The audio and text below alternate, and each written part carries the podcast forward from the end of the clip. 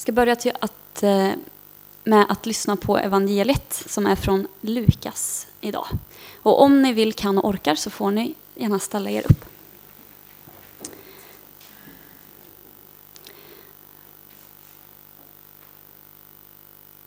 De började undra vem som var den störste av dem. Jesus, som visste vad de tänkte i sina hjärtan, tog ett barn och ställde det bredvid sig och sa till dem. Den som tar emot detta barn i mitt namn, han tar emot mig. Och den som tar emot mig, han tar emot honom som har sänt mig. Till den som är minst av er alla, han är stor.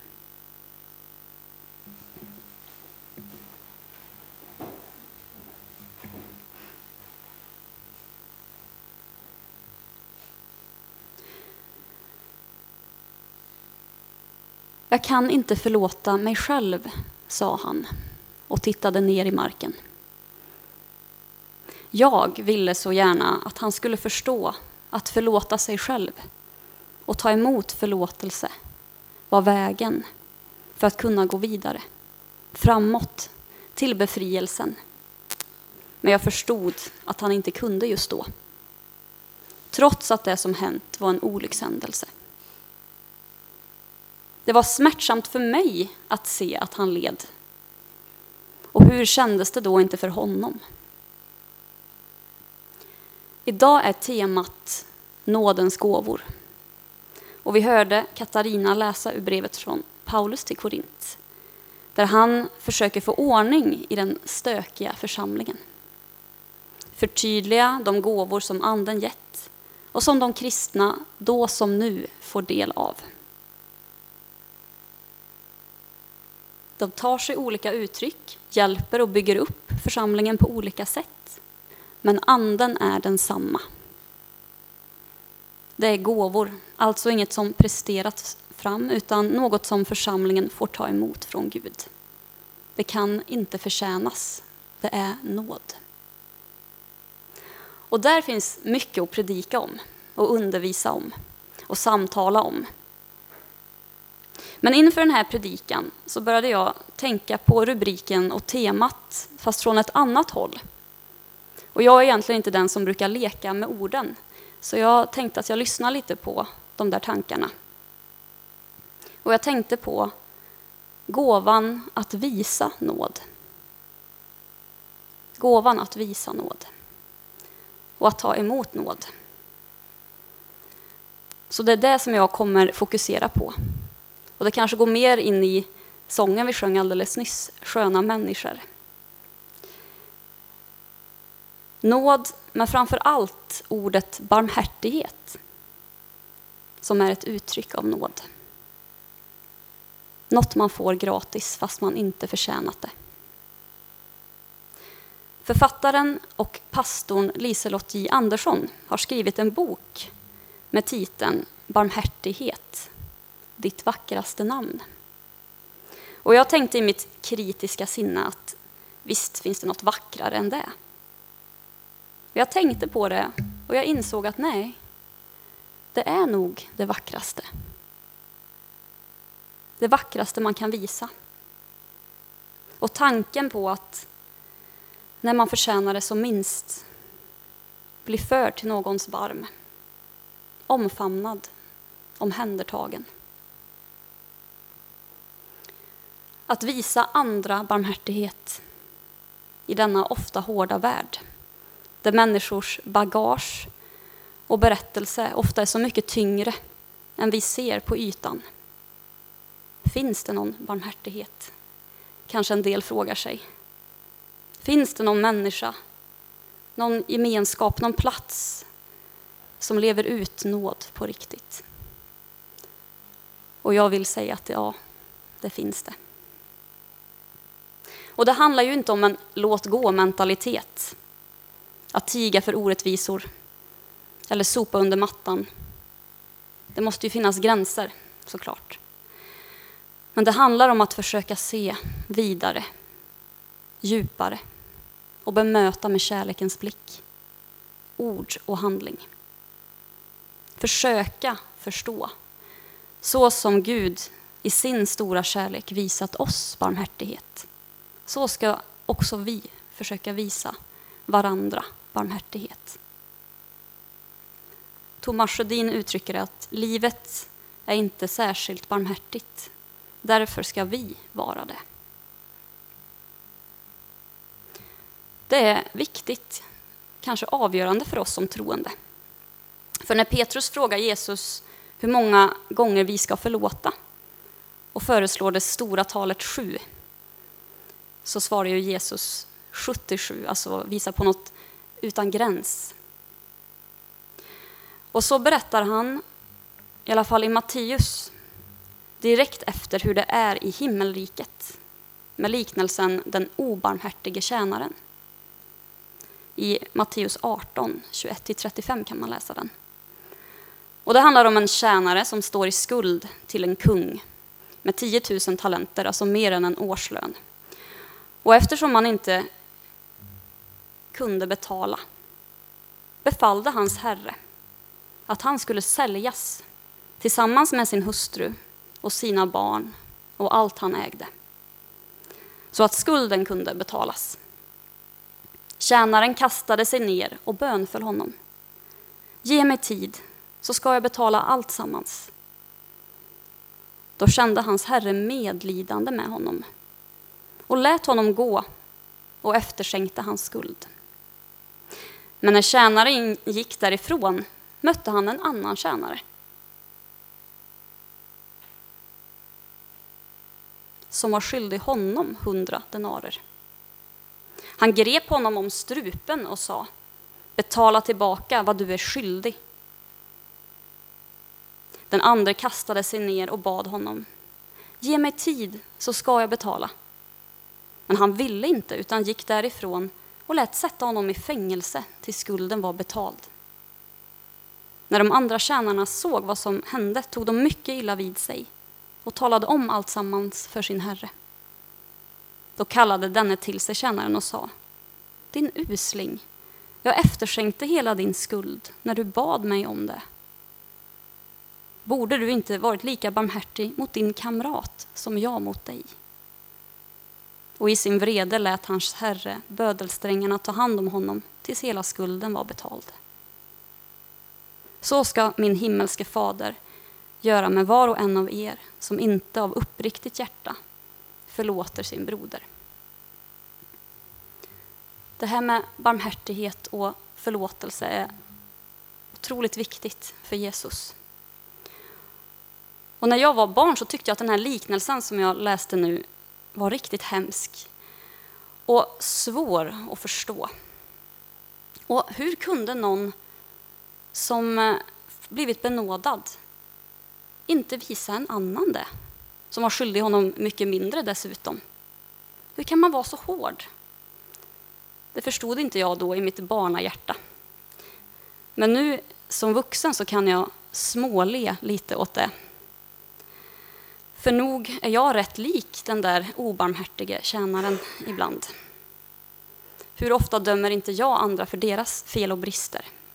Minns oförrätter och håller det emot dem. Och sen att förlåta. Motvillig att vara barmhärtig och överseende. Och kanske de som är i min närhet allra mest känner av det. Trots att jag själv fått många chanser och mycket förlåtet. Och vissa har nog fått gåvan, sinnelaget att visa barmhärtighet och tålamod med andra. Medan jag och en del andra får öva och öva. Gud vill, precis som kungen, Herren i liknelsen, visa nåd och barmhärtighet mot den som ber. Men jag, när jag sen tvärtom, tvärt emot, håller kvar och inte vill visa barmhärtighet mot den som ber, har jag då inte redan dömt mig själv? Fastnat i det negativa? Det som suger ut energin och låtit det styra mitt liv? Men hos Gud finns rättvisan och befrielsen. Och vi kan få hjälp, kraft av honom att visa barmhärtighet när vi inte orkar. Kanske är det en av innebörderna av att kasta bördorna på Jesus. Eller att lägga en sten i vattnet som får sjunka till botten. Det vi inte kan släppa får vi be Jesus med hjälp om. Det som känns för tungt vill han bära. Även om det innebär att vi kanske behöver komma med det vi har till honom igen och igen. För det är ju, som ni vet, inte alltid så lätt att släppa taget.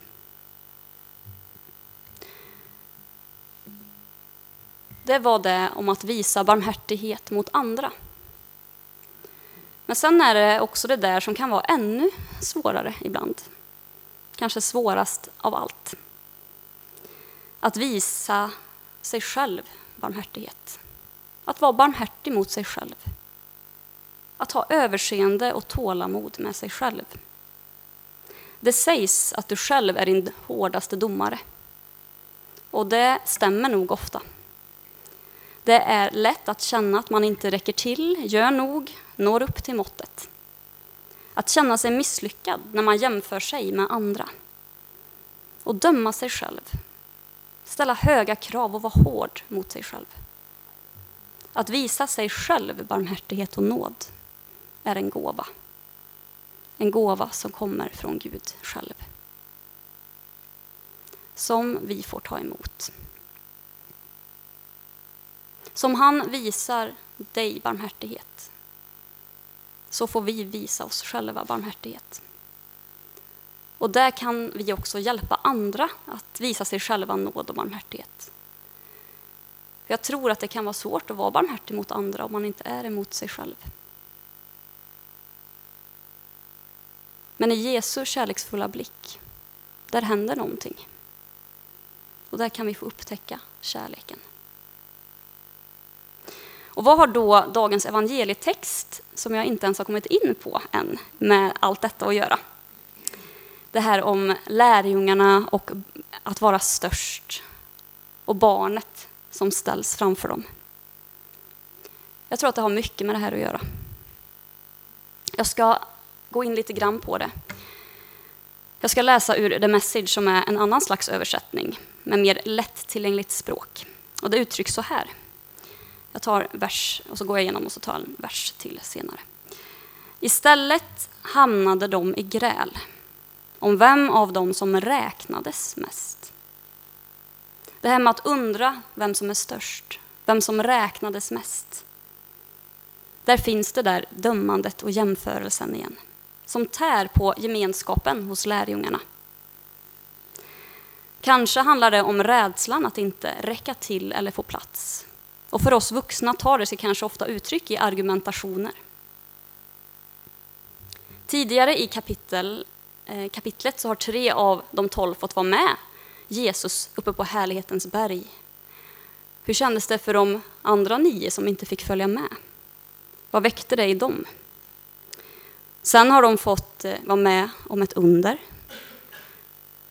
Men direkt innan eh, den här eh, texten som vi har läst idag så säger Jesus till de tolv att han snart ska dö.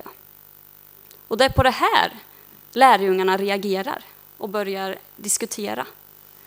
De fattar inte vad han menar och i sin förvirring och oförstående, vad händer? Kanske rädsla för att verka dum och tappa kontrollen, så börjar de bråka med varandra. Det står att Jesus ser vad lärjungarna tänker i sina hjärtan. Och i The Message står det när Jesus märkte hur mycket det betydde för dem ställde han ett barn vid sin sida och redde ut ett och annat för dem. Den som välkomnar barnet här som om det vore jag, den välkomnar mig, står det i den översättningen. Att ta emot ett barn i Jesu namn, att vara välkomnande och generös, barmhärtig, det är att ta emot Jesus och i förlängningen Fadern själv.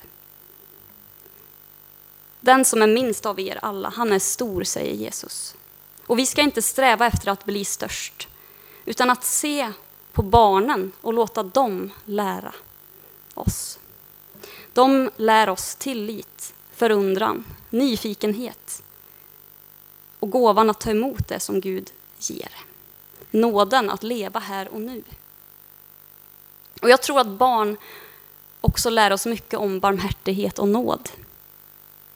Barnen för oss vuxna närmare vår egen mänsklighet, lekfullhet, mysteriet som är livet. Och närmare barnet i oss själva. För några år sedan så var jag eh, i Tissé i Frankrike och så var jag i en samtalsgrupp med en tjej som växt upp med en alkoholiserad mamma. Hon hade haft en svår och ofta kärlekslös uppväxt. Hennes självbild var väldigt trasig och hon var oerhört hård mot sig själv. Hon hade funnit mycket tröst i sin tro. Eh, men i sin resa att bli hel så fick hon också uppgift av sin terapeut att lägga en bild på sig själv som barn som bakgrundsbild på sin mobil. Och hon sa till mig att varje gång jag blir arg på mig själv, känner självhat, så tittar jag på den där bilden, på den där lilla flickan, den ledsna flickan. Och det är ju också jag. Och jag känner att hon behöver all kärlek och barmhärtighet som är möjlig. Och då rinner ilskan på mig själv av. Barnen är en gåva. Och Gud för barnen, var och en av oss, upp till sin barm i en omfamning. Och så den sista versen om att ta emot. Så formuleras det så här i The Message. Det som räknas är om ni välkomnar Gud, inte om folk välkomnar er. Ni blir inte stora för att ni breder ut er, utan för att ni ger plats för Gud i era liv. Att välkomna Gud i sitt liv och ta emot av vad Gud vill ge. Av nåd och kärlek. Det är vad som är centralt och där börjar ju allt. Inte om folk välkomnar mig, vad folk tycker om mig. Inte heller att jag ska breda ut mig själv och mitt ego. Utan allt handlar om att ge plats för Gud i mitt liv. Och där finns frihet och möjlighet att ta emot den där barmhärtigheten. Släppa de där hårda orden och kraven på sig själv. Närma dig Gud och han ska närma sig er, står det i Jakobsbrevet 4. Jag kan inte förlåta mig själv, sa han. Det blev en resa för honom. En lång sån. Men till slut, en dag, kunde han lyfta blicken, släppa taget och ta emot barmhärtigheten.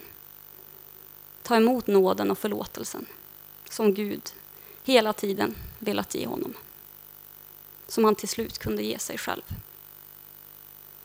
och börja leva igen. Barmhärtighet blev hans vackraste namn. Det blev den lilla flickans vackraste namn. Och det är vårt vackraste namn. Amen. En bön av Karin Dernulf.